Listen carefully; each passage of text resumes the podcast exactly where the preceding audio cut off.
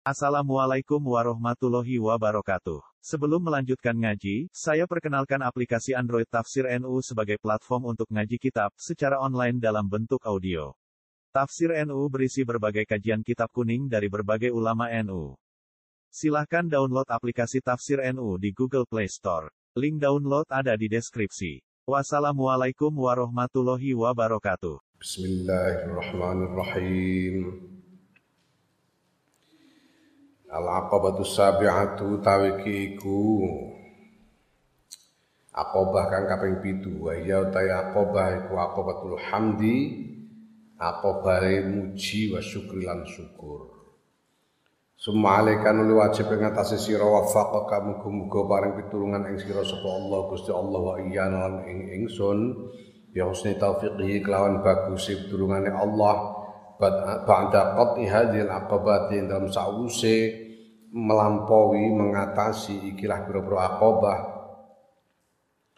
Wa dzafri lan sause makoleh bil maksudi kelawan tujuane yaiku ibadah min hadhil ibadati salimat saing bayane saking ikilah ibadah kang kang kang uh, selamat.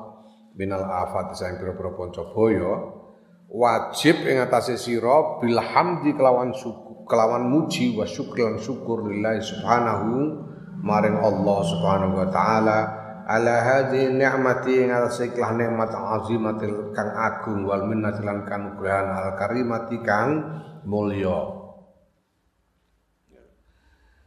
Nah, setelah jadi setelah kalau sudah melampaui enam akobah ini apa saja? Akobatul ilm akobatul taubah akobatul awaiq akobatul awarid akobatul uh, apa jenenge?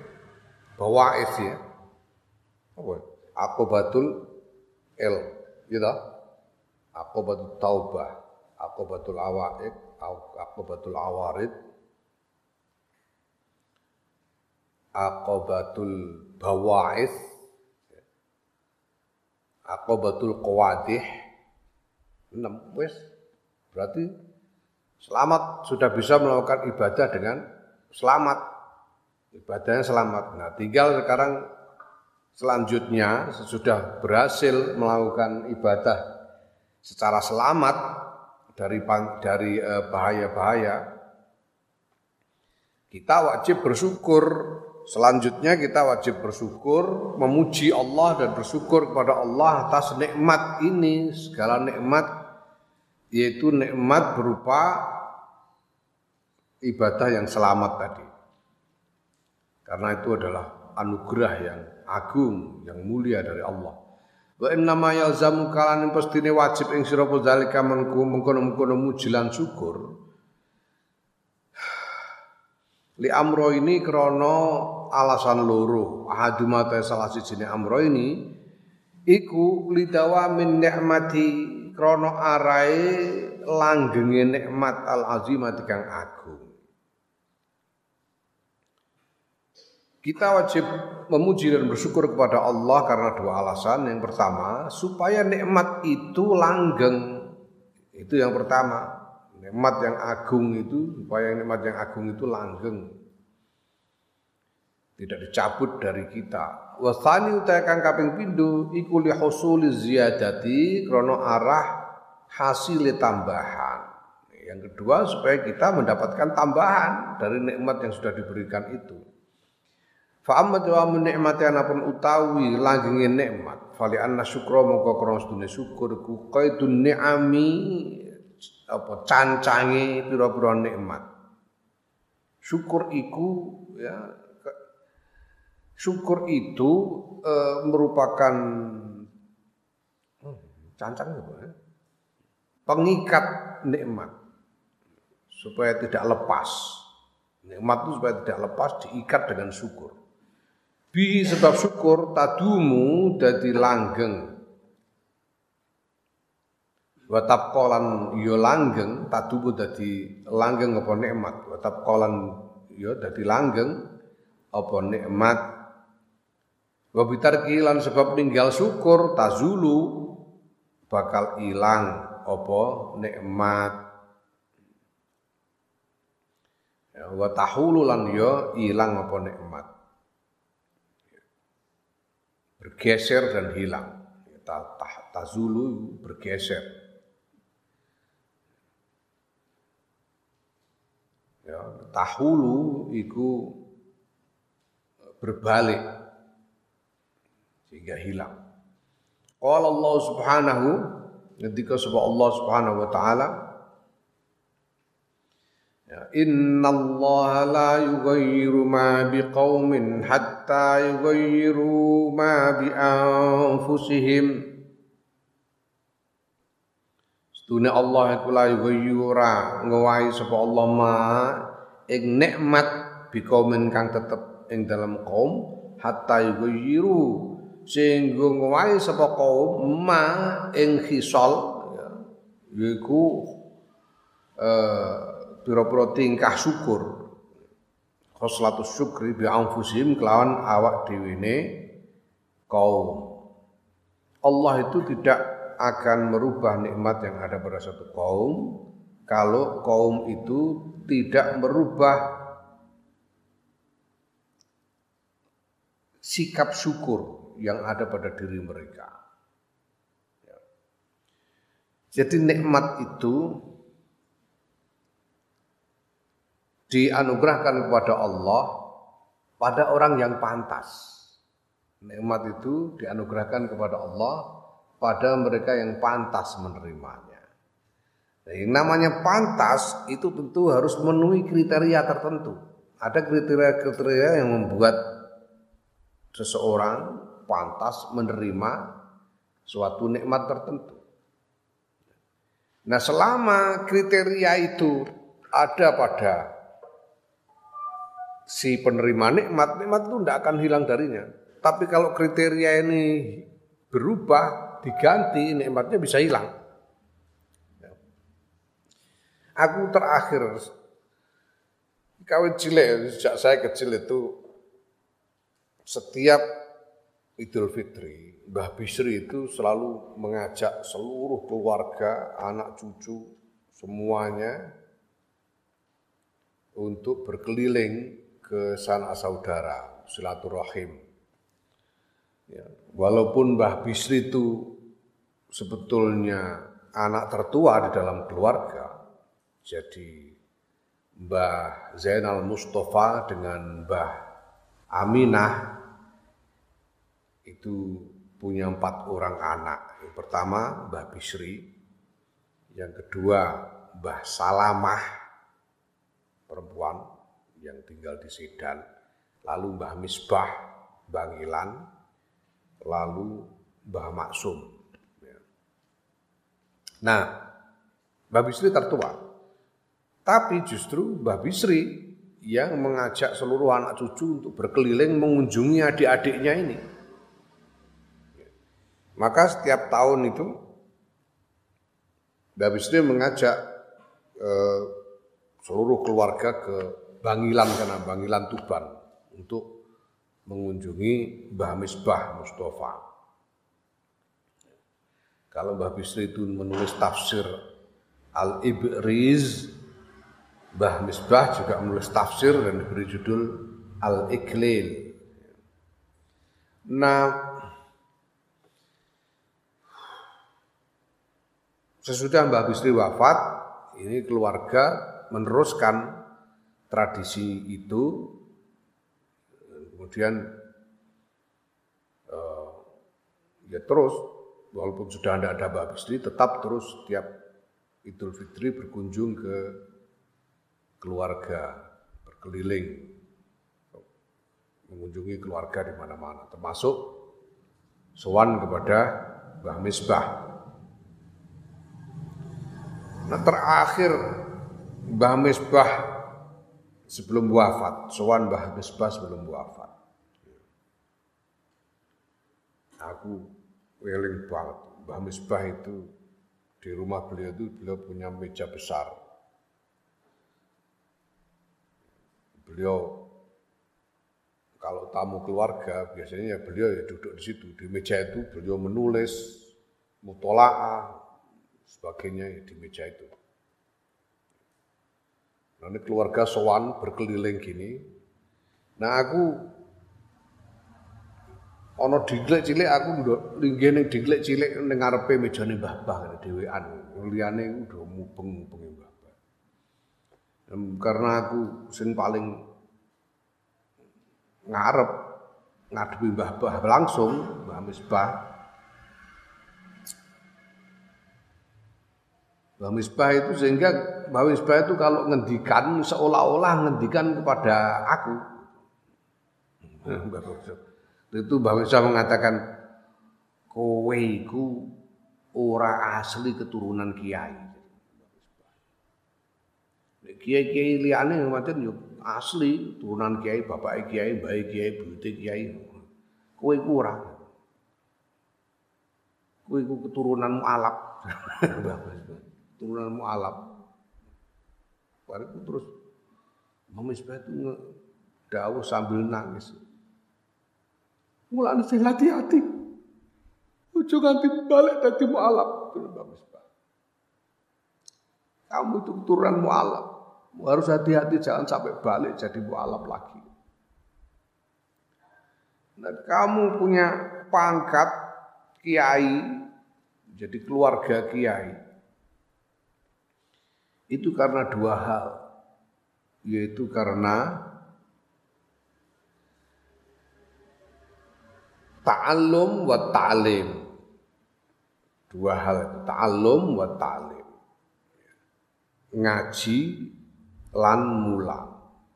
Karena ngaji dan mulang, ngaji dan mengajar, maka dikaruniai nikmat pangkat kedudukan kiai.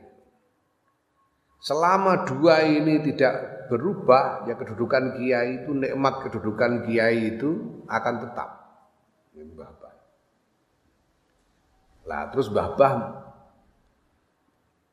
apa mengutip ayat ini innallaha la yughayyiru ma biqaumin hatta yughayyiru ma bi. Sementara di sisi lain Mbah Bah mengatakan kabongko sementara itu kullu syai' raji' ila asli. Segala sesuatu itu pasti kembali kepada asalnya. Ya Misbah menekankan karena kamu tidak asli keturunan kiai dan kamu hanya mendapat pangkat kiai itu karena dua kriteria tadi itu ta'allum wa ta'lim. Ya kalau dua ini kamu tinggalkan balik jadi mu'alaf lagi. Ngono teori ini Mbah Misbah.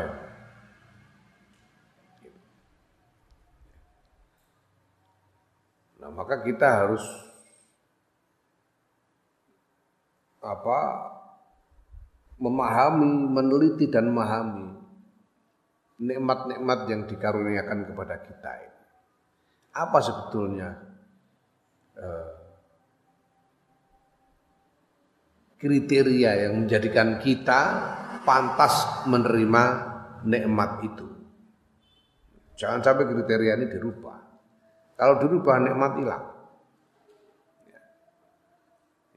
Nah, segala kriteria memelihara kriteria yang membuat kita pantas mendapatkan nikmat itu itu bagian dari syukur.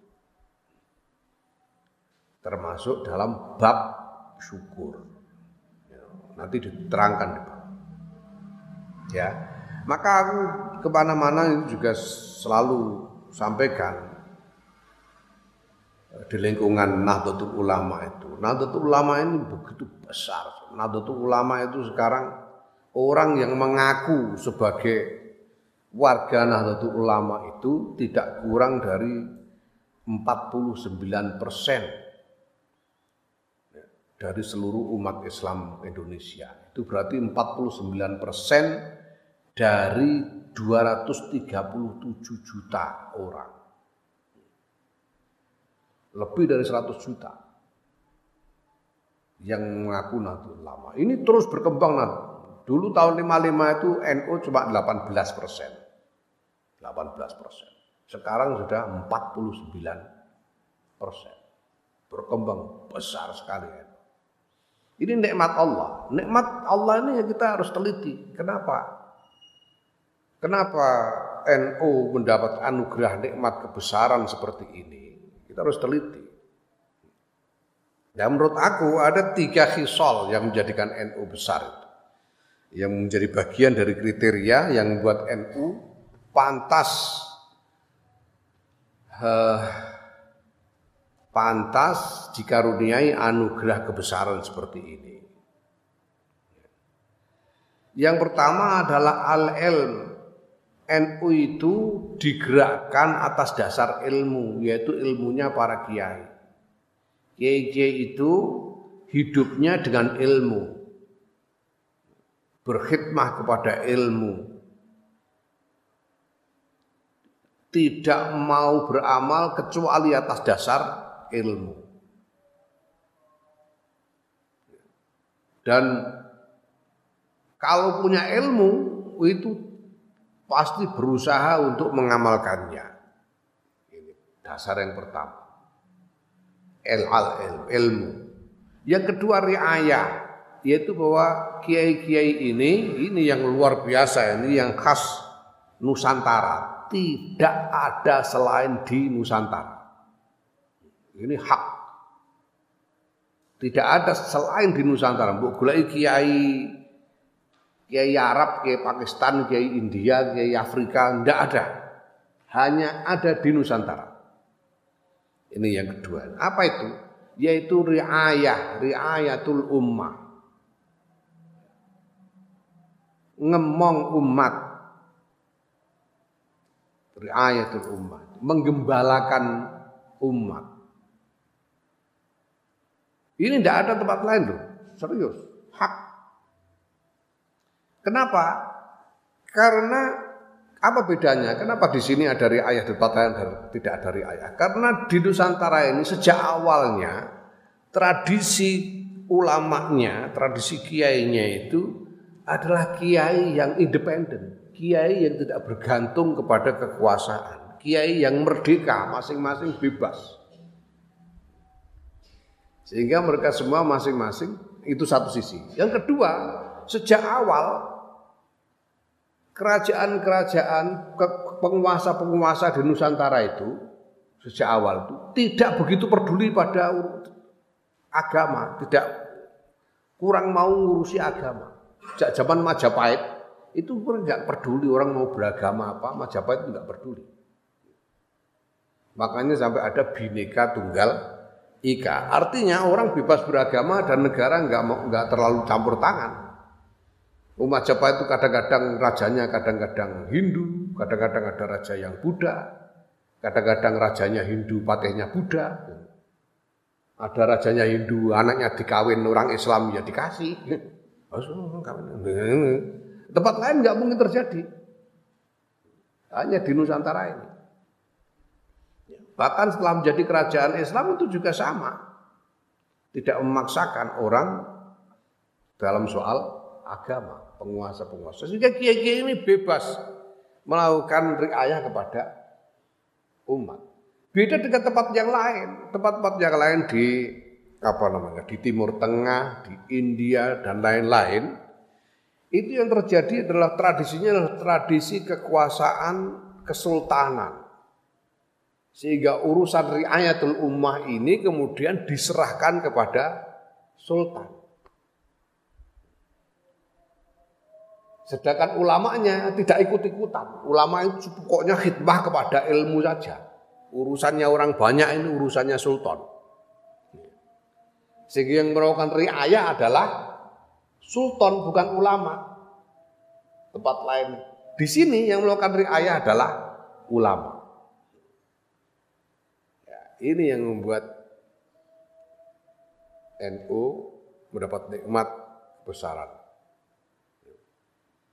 Dan yang ketiga tentu saja ikhlas. Tiga itu ikhlas. Bu. Ikhlas itu di kalangan NU itu bukan hanya menjadi nilai pribadi, menjadi peradaban. Menjadi peradaban ikhlas. Iki ning Landoh iki ana Mbah Kailani. Mbah Kailani iku juru kunci makam Landoh. Umurnya saiki lebih 90 tahun. Mungkin 90, hampir 100 tahun Mbah Kailan. Mbah Kailan itu hanya empat tahun lebih muda dari Mbah Bisri. Empat tahun lebih muda dari Mbah Bisri. Nah, pada waktu pertama kali ada perang kemerdekaan sesudah proklamasi itu, itu kan santri-santri membentuk Hizbullah, Laskar Hizbullah untuk melawan eh, Belanda. Mbah Kelani ini sama pada waktu itu mondok di Sarang ketika Mbah Bisri ngungsi di Sarang. Lalu Mbah Bisri ngajak Mbah Kelani ayo ikut Hizbullah. Daftar ikut pasukan Hizbullah. Mereka berdua. Nah tapi setelah perang selesai, lalu pemerintah ini, pemerintah Republik waktu itu, Bung Karno, berinisiatif untuk membentuk TRI, Tentara Rakyat Indonesia. Dan Hizbullah ini mau dijadikan anggota tentara, tentara negara resmi, tentara resmi. Kalau Hizbullah kan laskar, nah, partikelir, swasta, tentara swasta. Ini mau diresmikan menjadi TRI. Nah lalu Mbah Kailani mau daftar ikut jadi TR, TRI. Itu dicegah oleh Mbah Bisus. Gak usah, sudah kita ya kita bebas lagi aja. Loh, kenapa enggak Loh, kemarin itu waktu kita gabung Hizbullah, itu kita jadi pegawainya Gusti Allah.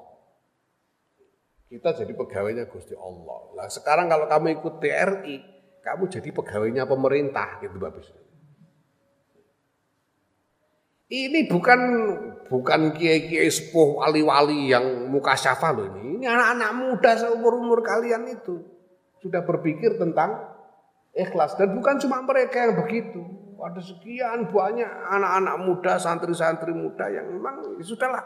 Kalau mau bikin tentara silakan kita kembali ngaji lagi saja.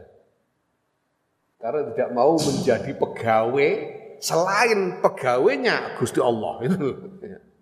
Ini membudaya, jadi peradaban. Sampai sekarang kok, sampai sekarang menjadi budaya kita. Ini sudah saya buktikan. Itu adik itu Sowan Kiai Maimun. Sowan Kiai Maimun terus ditanya sama Kiai Maimun, leteh itu ya ono nih, Lek.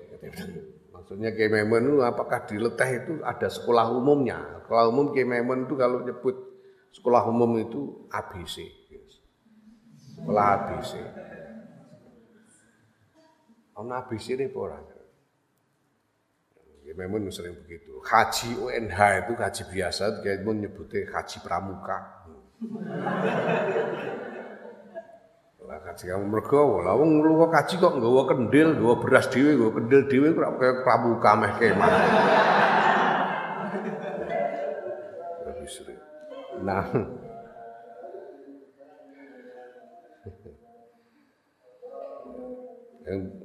Kiai Maimun bilang, pokoknya sing penting kaji ku nggo dhuwit sing akeh. Ning kono yo jajan, kaji kok masak barang.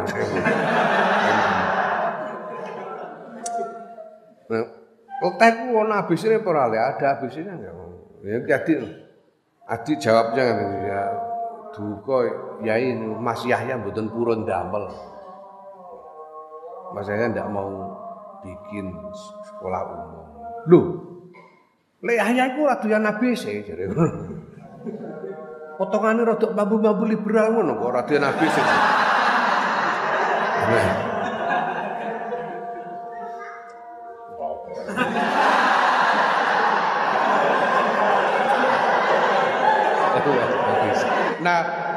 apa namanya? Nah, apa?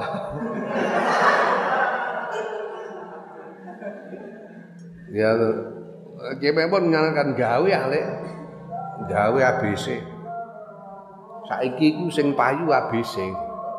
GPM. Sekarang yang laku itu ABC itu.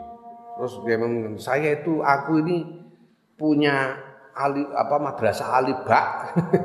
Karena madrasah dinian alibak. Aku ini punya Madrasah Alibak sudah puluhan tahun. Muridnya cuma 100.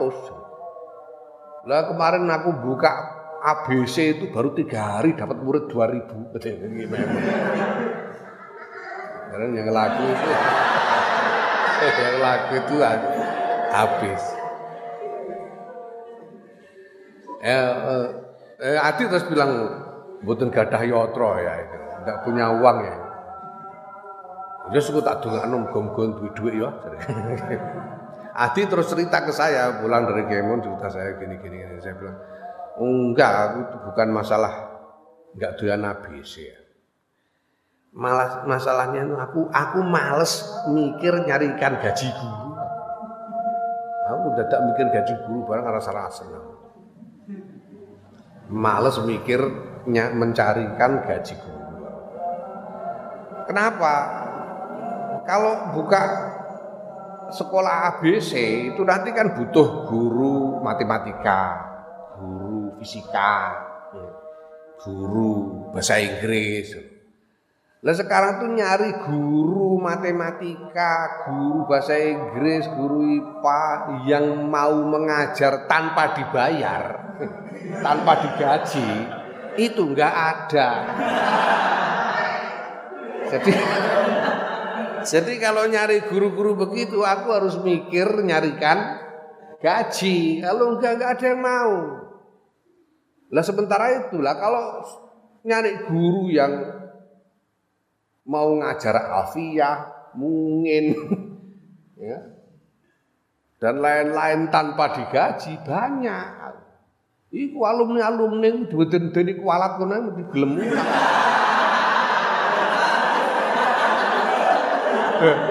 gelem alumni-alumni takut-takuti kualat pasti mau ngajar. Dan bener kok ini. Ada Solikin, Pak Solikin, Iku Juwono, Ono Rosidi, Bluro ya Rosidi ku ya, Ono di meneh Abu Koir dan lain-lain. Tidak digaji, apalagi digaji. Dia itu kalau ke sini kan harus trans apa harus naik angkutan umum atau naik motor sendiri. Itu setiap kali datang paling ndang ya lima ribu, sepuluh ribu. Itu aja enggak orang tak ijoli gelem ordene. Terang enggak diganti transportnya aja mau. Apalagi kok digaji, transportnya terus enggak diganti. Cuma karena takut kualat itu sudah mau. Ini apa kalau bukan budaya ikhlas? Ini budaya ikhlas. Ya, mengabdi tanpa pamrih karena mengharapkan barokah. Oh, wis kaya ngene iki barang ngaji ngene iki. Eh, umpamane ora pantes ngamal iku mergo apa kok ora resik, kecampuran riak. Sing penting kan ngalap barokah. Kamu rantuk ganjaran untuk barokah. Lumayan tuh. Ini ini konsep ini ini yang sangat membantu kita di dalam melatih diri menjadi ikhlas. Itu. Kita sekarang ngaji ya kalau tidak dapat pahala asli dari ngajinya ini, ya kita mengharapkan barokahnya. Wong aku linggih kursi kiai ngarep barokah, wong kursi kayak zaman Mbak Bisri. Meja ini. Wingi arep ana ameh ngijoli meja iki dijoli meja sing anyar api. Aku yo lho iku meja warisane Mbah Bisi aja. Sangur iki lagi tok-tok ning kene barokah apa meneh sambil maca mungkine barang ya. Tiga hal ini yang membesarkan menjadikan NU pantas mendapatkan anugerah kebesaran. Al-ilm, al-riayah, al-ikhlas. Kalau tiga ini dirubah, tiga ini hilang, ya wallahu alam bisawab. Ya, Waliyadzubillah. Naam, innallaha la yughayyiru ma biqaumin hatta yughayyiru ma bi anfusihim. Ya. Wa qala ngendika sapa Allah sapa Allah ya azza halimho mulya sapa Allah min qailin nyatane saking zat kang dawuh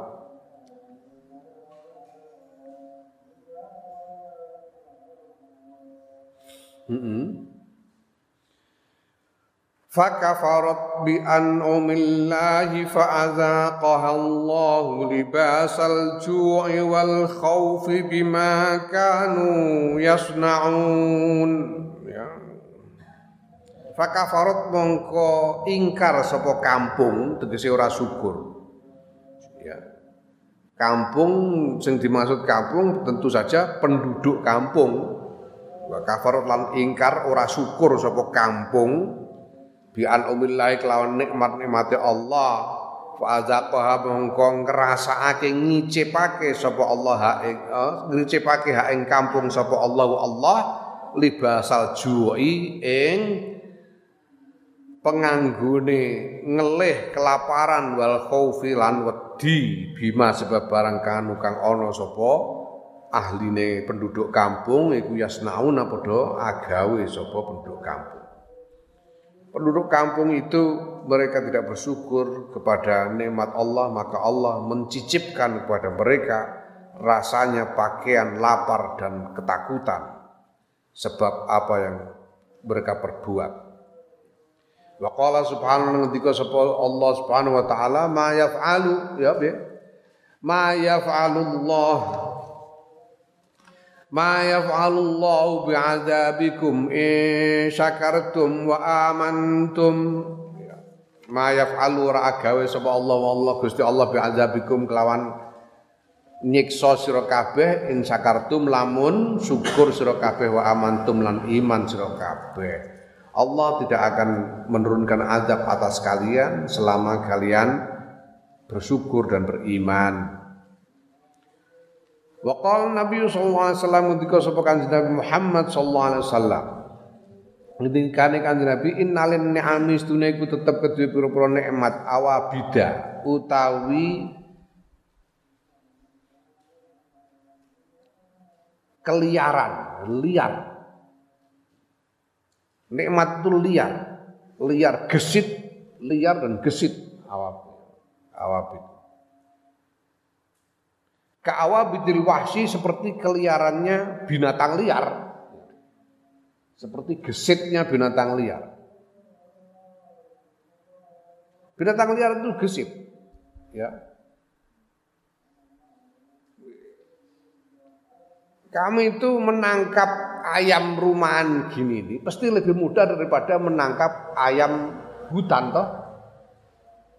Ayam hutan itu walaupun sudah kepegang itu dia bisa berontak lalu dengan cepat lari. Lain dengan ayam rumahan. Ayam rumahan bolos-los kur-kur-kur-kur menengah itu gampang. Nikmat itu liar dan gesit seperti binatang liar, seperti binatang hutan itu. Ya. Maka dawuh Kanjeng Nabi faqayyiduha nalenono sira kabeh nyancango sira kabeh bisyukri kelawan syukur ikatlah ha ing nikmat ya ha ing ni'am ikatlah nikmat-nikmat itu dengan syukur supaya tidak lari. Wa amma husulu ziyadati. Anapun utai hasil tambahan. Falam makana mengko nalikane ana apa asyukru syukur wa ya syukur. Qaidu nikmati taline nikmat cancange nikmat. Fa mengko utai syukur iku yusmiru membuahkan apa syukur azyadata ing tambahan. Karena syukur itu merupakan eh, jerat ikatan atas nikmat maka syukur juga bisa membuahkan tambahan nikmat ya. ayam hutan itu nek mbok cancang, mbok kurung, ya langsung sih sok untuk tambahan ya. Qala Allah Subhanahu ketika sapa Allah Subhanahu wa taala? La in syakartum la azidannakum.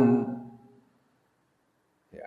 La in syakartum yakti lamun syukur sira kabeh la azidannakum yakti bakal nambahi temen ingsun ing sira kabeh. Allah ini ya, ini di Quran ini banyak ini. Kalau ada firman Allah yang diberi taukid berganda seperti ini. La azidannakum. Apalagi? La uhyannahum. La azidannakum. La uhyannahum. Diberi taukid berganda dengan lam dan dengan nun. Ini ini adalah janji Allah yang kita dipersilahkan untuk membuktikan. Buktikan kalau nggak percaya gitu. Buktikan kalau nggak percaya. Karena ya ini apa namanya? Ya pokoknya Allah janji gitu aja. Ayo. Allah janji dan mari kita buktikan. Dan ini karena ini di, men, di, dijadikan sunnatullah. Kalau bersyukur pasti ditambah. La azidan nakum pasti itu ragu insya Allah. Pasti akan ditambah nikmat. Man amila sholihan min zakarin au unsa wa huwa mu'minun lanuhyiyannahum pasti diberi kehidupan yang uh, enak. Pasti. Ini karena dua apa karena tauhid berganda. Kalau bersyukur pasti ditambahi, pasti. Walladzina tadau walladzina tadau zadahum huda. Dawuh yang lain, firman yang lain, walladzina ta wong itadau kang oleh pituduh sapa alladzina. Iku zadahum nambahi sapa Allahum ing alladzina hudan ing pituduh. Orang yang orang-orang yang mendapatkan petunjuk hidayah Allah itu ya akan terus-menerus mendapatkan tambahan hidayah. Walladzina jadu fina lanadiyannahum subulana. Hidayah itu apa hidayah itu? Hidayah itu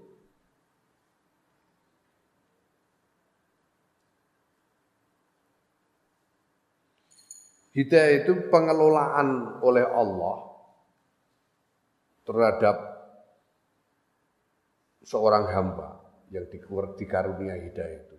Pengelolaan Allah atas seorang hamba dengan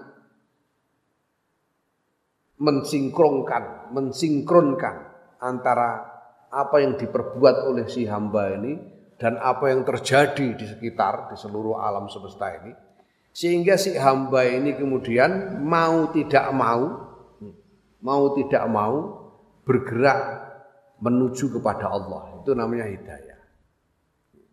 Jadi hidayah itu bukan cuma ilham. Hidayah itu bukan cuma sekedar ide yang muncul di dalam kepala, di dalam benak, atau rasa yang tumbuh di hati. Bukan hanya itu. Hidayah itu keseluruhan pertolongan Allah yang mengatur segala sesuatu ini menyesuaikan antara perbuatan-perbuatan hamba yang mendapat hidayah itu dengan segala yang terjadi di seluruh alam semesta ini sehingga si hamba ini mau tidak mau bergerak menuju kepada Allah. Itu hidayah. Menurut pengertian yang disampaikan oleh Syekh Ali As-Sobuni yang mengarang kitab tafsir ayatil ahkam. Itu. Makalah kalau orang sudah bergerak menuju ke jalan Allah, ya akan terus-menerus ditambahi dengan hidayah yang lain, ditambahi dengan anugerah pertolongan yang lain terus-menerus. Makanya walladzina tadau zadahum huda. Walladzina jahadu fina lanadiyahum subulana utai wong-wong kang jadu jadu kang pada berjuang sapa alladzina fina ing dalam ingsun Allah lanah dian nahum yakti bakal nuduhake ingsun Allah ing alladzina subulana ing berboro dalam ingsun. Mereka yang berjalan di jalan mereka yang berjuang di jalanku jalannya Allah aku akan menunjukkan kepada mereka berbagai macam uh, berbagai macam cara berbagai macam jalan untuk mencapai tujuan.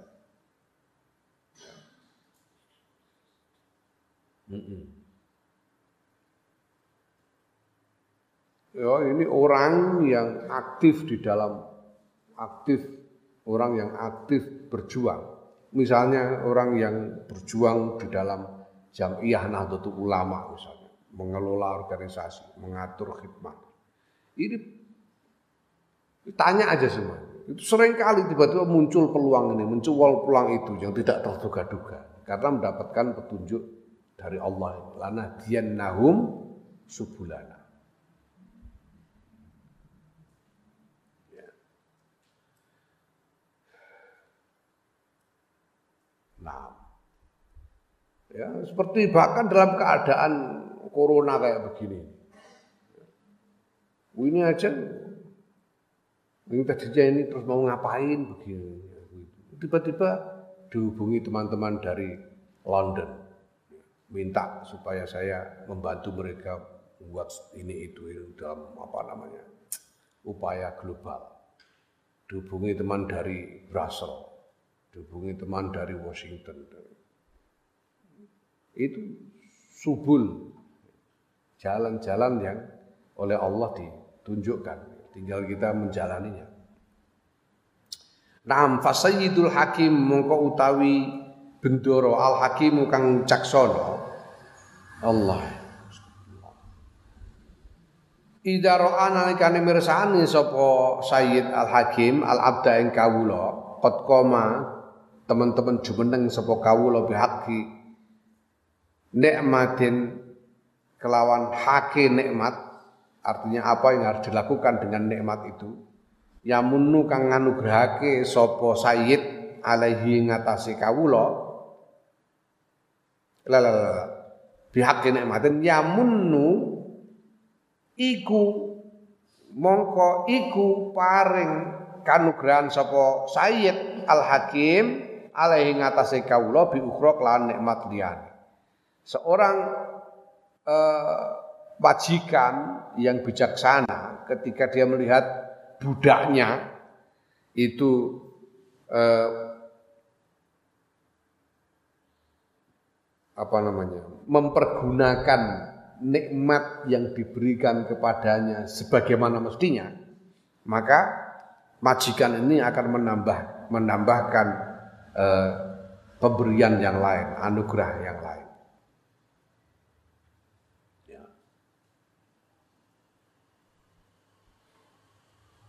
Lek musik biasanya nih maringi contoh ya.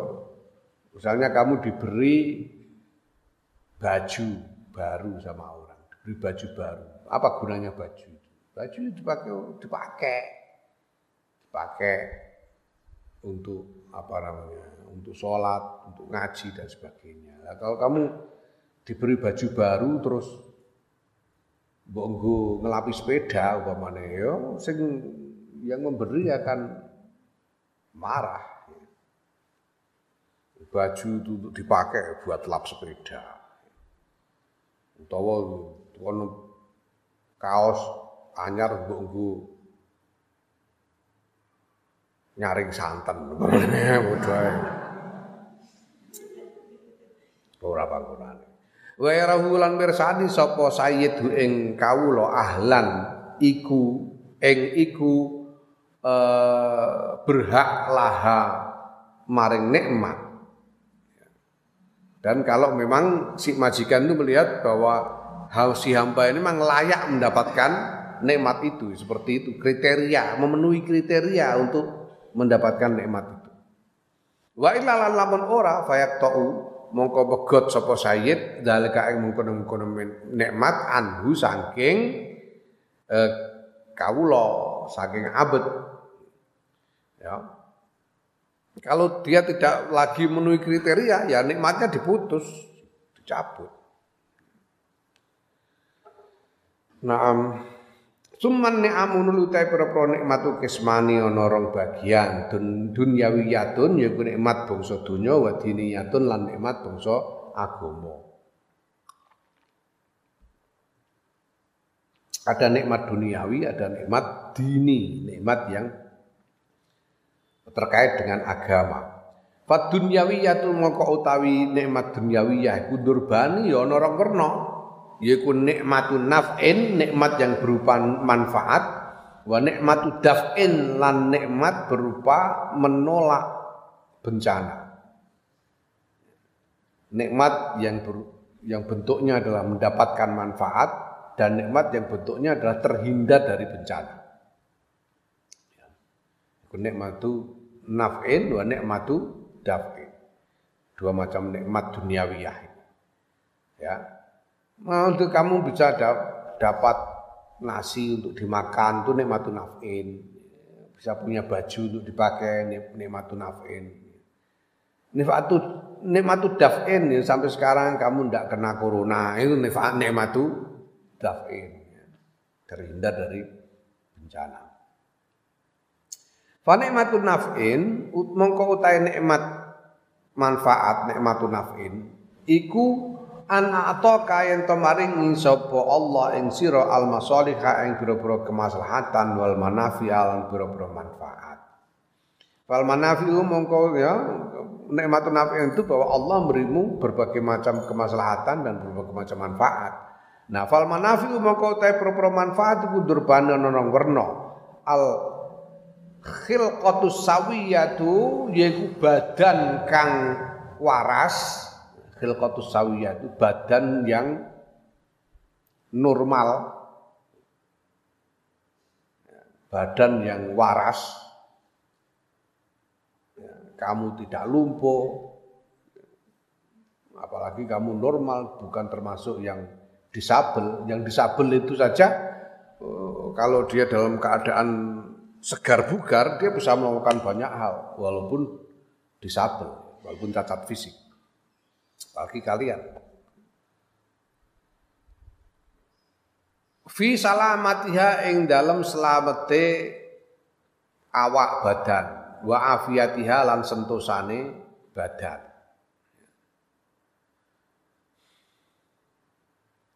Ya. Nikmat manafi itu yang namanya manafi itu ada dua macam yaitu badan yang waras, yang sentosa. Wal malazu lan piro-piro kelezatan. Asyahiyatu kang enak kang den kepingini minal mat'ami bayane saing panganan wal masrobi lan umben-umben wal malbasi lan penganggu wal mangkahi lan bojo wa lan liyane mazkur. Ya. Badan yang sehat yang sentosa itu. Dan yang kedua adalah yang enak-enak ini. Bangsa yang enak-enak yang menyenangkan. Makanan ya enak. Minuman sambal terong gojos banyu intip segeri karuan pakaian sarong serbaguna dienggo sembarang kalir. Dilalai untuk buju kok iso ambekan.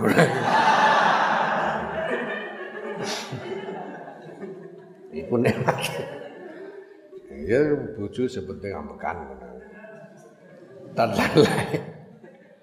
Min fawaidiha saking pira-pira faedahe mazkur yo mat'am masrab dan sebagainya mat'am kalau dimakan membuat badan kita kuat. Masrab buat segar. Ya. Pakaian bisa menutup aurat dan sebagainya. Ya. Buju, hmm, hmm, kena digujakan lek dan sebagainya. Hmm. Itu faedah-faedah dari nikmat-nikmat tadi itu. Nah, wa nikmat daf'i utawi nikmat menolak bahaya iku an sorofa yen to nginggoake sapa Allah angka saing sira al mafasida ing pira-pira kerusakan wal madhara lan pira-pira kemelaratan kerugian. Ya. Yang namanya nikmat daf'i itu bahwa Allah menghindarkan kamu dari berbagai berbagai macam kerusakan dan kerugian. Wa ya utai nikmat daf'i iku durbani ana loro. Adu mate salah sijine durbani iku fin nafsi ing dalam diri kita sendiri ing dalam awak-awakan. Bi an sallamaka kelawan yen to nyelametake sapa Allah ing sira min zamanatiha saking lumpuhe lumpuhe awak. Wa sairi afatiha lan sawenehe pira-pira panca bayane awak wa ilaliha lan penyakite awak. Yang pertama ada nikmat yang ada pada dirimu, terkait dengan dirimu. bahwa kamu itu diselamatkan Allah dari kelumpuhan, diselamatkan Allah dari berbagai macam bahaya dan penyakit pada dirimu. Ya. Oh, kowe mlaku-mlaku kok yo ya dilalai ora disrawol asu bapane iku. Allah menghindarkan badanmu dari bahaya dan kerusakan. Hmm. Ora kepleset dan sebagainya. Wasani ya kowe ya ora di penyakit, ora kena corona dan seterusnya. Wastani utahe kang kaping pindho iku daf'uma nyegah barang yalhaquka kang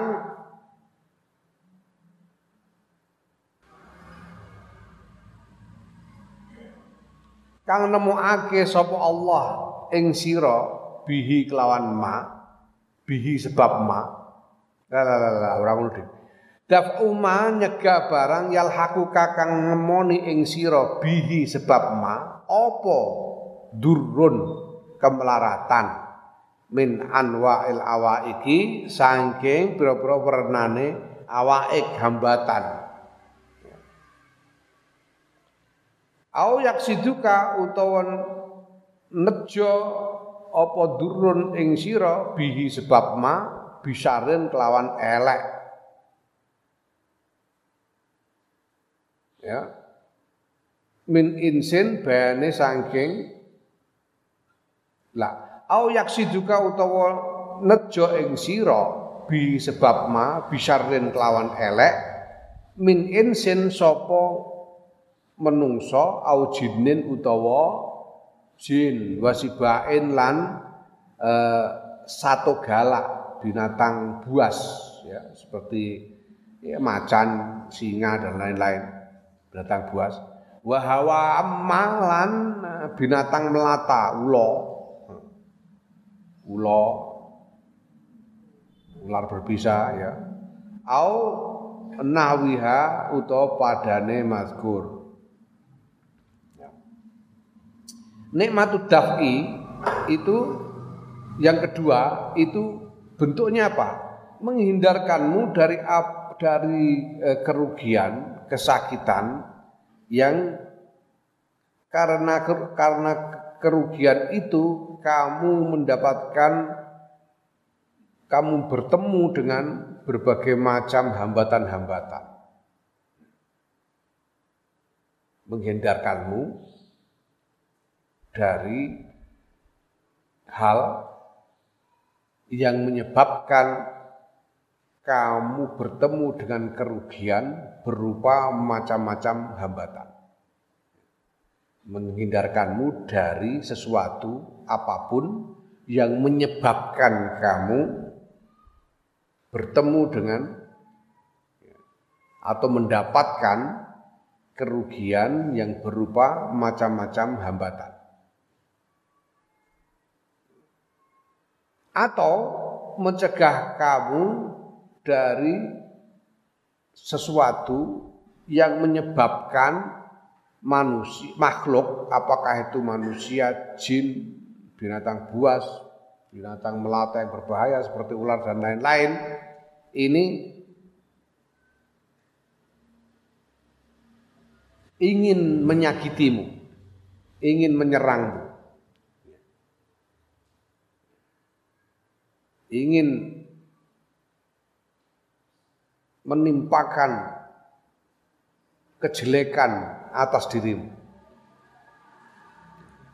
Artinya menghindarkanmu dari serangan apa pun. Itu nikmat daf. Wa amman ni'amud diniyah ana pun ta nikmat kang bangsa agama fadur bari rong werna nikmatut taufiki yaiku nikmat pitulungan wa nikmatul ismanti lan nikmat pangreksa. Nikmat berupa pertolongan dan nikmat berupa penjagaan. Fa nikmatut taufiki mengko nikmat taufik iku an waffaqaka yen to mitulungi ing sira sapa Allah Gusti Allah awalan ing dalam kawitan islami maring Islam summa sunnati nuli maring sunnah summa taati nuri maring taat Nikmat berupa pertolongan yang pertama, kamu dijadikan Islam itu kalau bukan karena pertolongan Allah nggak bisa. Sehingga kamu menjadi Muslim. Kedua, lo kamu kok ya NO, itu berarti kamu mengikuti sunnah Rasulullah Sallallahu Alaihi Wasallam, menjadi bagian dari ahlu sunnah wal jamaah. Dan kemudian kamu kok ya terus mau ngaji, mau ibadah, ya. artinya kamu dapat pertolongan untuk menjalankan taat kepada Allah. Bentuk-bentuk nikmat yang berupa pertolongan. Wa nikmatul ismati itu nikmat eh, pangreksa yang berupa penjagaan iku an maka yen to ngreksa sapa Allah ka ing sira awalan ing dalem kawitane anil kufri saing kekufuran wa syirki lan syirik Summa anil bid'ati nulis saing bid'ah wa dolalati lan kesesatan summa an sa'iril ma'asi nuli saking saunahe biro-biro maksiat. Ya. Yang berupa penjagaan itu bahwa Allah menjagamu pertama-tama menjagamu dari kekufuran, dari syirik. Sehingga kamu tidak ingkar kepada tauhid, tidak menyekutukan Allah.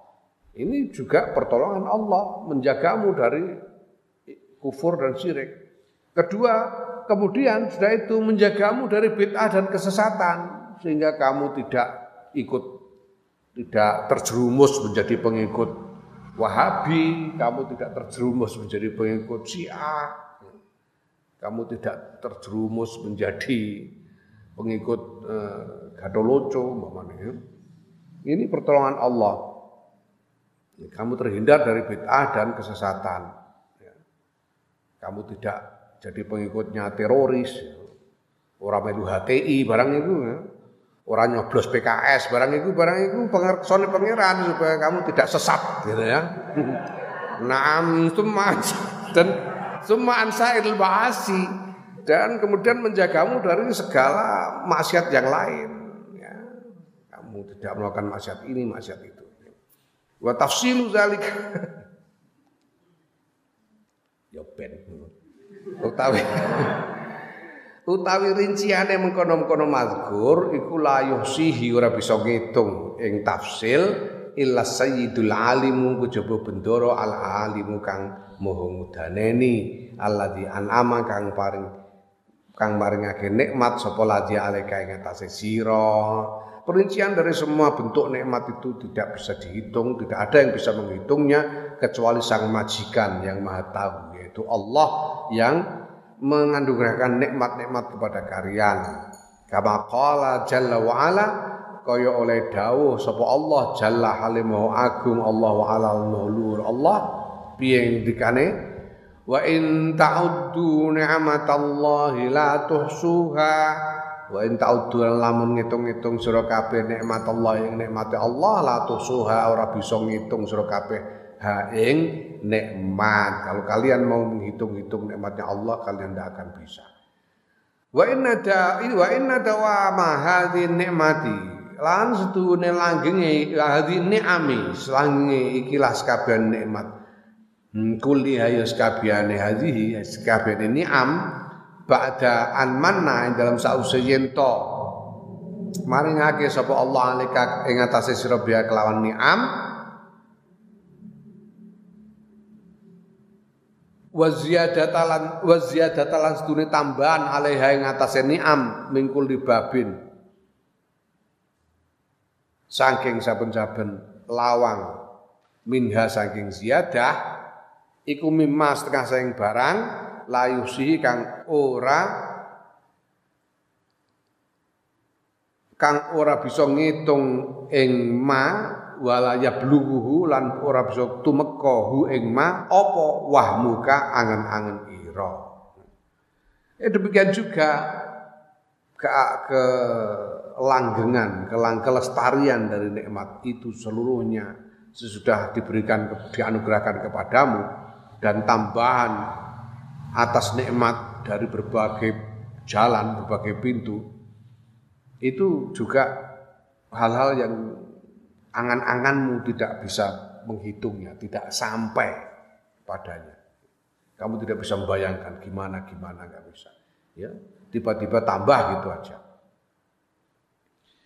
Ya, wa kulluha tes kabehane nik nikmat iku tata'allaku terkait bisain kelawan perkara wahidin kang siji. Ya. Wa wa utawi ya semua semua tadi itu ya. Apa namanya? Yang nikmatnya itu sendiri lestarinya nikmat tambahan atas nikmat yang begitu tidak bisa dihitung, tidak bisa dibayangkan itu itu semuanya terkait dengan satu hal saja. Satu hal saja. Wa wa apa? Wa wa utai sayun wahid iku asyukru syukur. Walhamdulillah muji lillahi maring Allah. Hanya terkait dengan itu. Syukur dan muji kepada Allah. Itu. Wa inna khoslatan lan setuhune tingkah takunu kang ana apa tingkah? Kak takunu kang ana iku laha tetep tingkah. Apa hadil aqabatu ikilah eh, aqabah wa takun lan ana fiha iku tetep ing dalem khoslah apa kullu hadil faidati sakabehane ikilah faidah ya, ya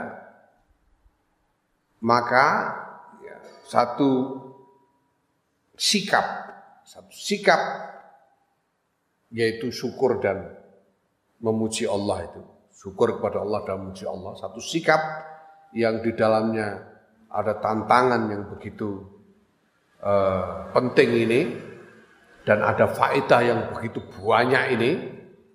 Lahakikun yakti iku patut biai ya tamassaka bi ayyu tamassaka ya bi ayyu tamassaka kelawan yen den gundeli apa biha khuslah min ghairi infalin kelawan tanpa uh, lali ya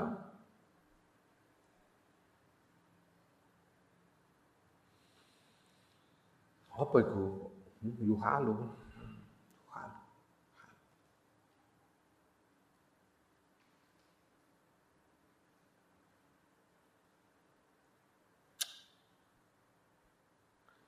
Iku lah ala swab iku dudu ya iku tapi ba bikhalin ngono. Lawan tanpa lali bikhalin babar pisan ngono. Halu terus piye mana Ya. Wis dianggap bikhalin ngono ya. Sing penting barokah ngono ra wis.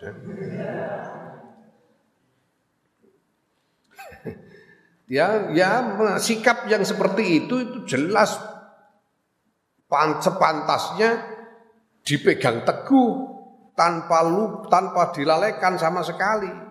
Syukur dan memuji Allah itu. Fa'innahu mongko sedune uh, uh, syukur lan muji iku jauharun mutiara saminun kang mahal. Mutiara mutiara permata ya permata yang mahal. Wa kimiaun lan ramuan. Ramuan kimia itu ramuan. Ramuan azizatun kang longko ya. Longko karena apa ya kenapa langka? Karena bisa jadi obat bisa dipakai ini bisa dipakai itu yang sangat berharga.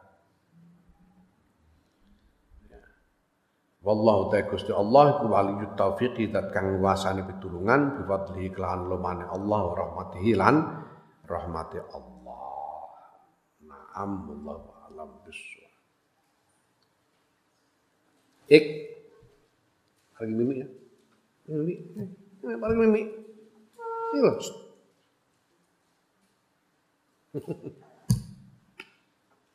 Ayo pulang sama Pak Dio. Ayo sih.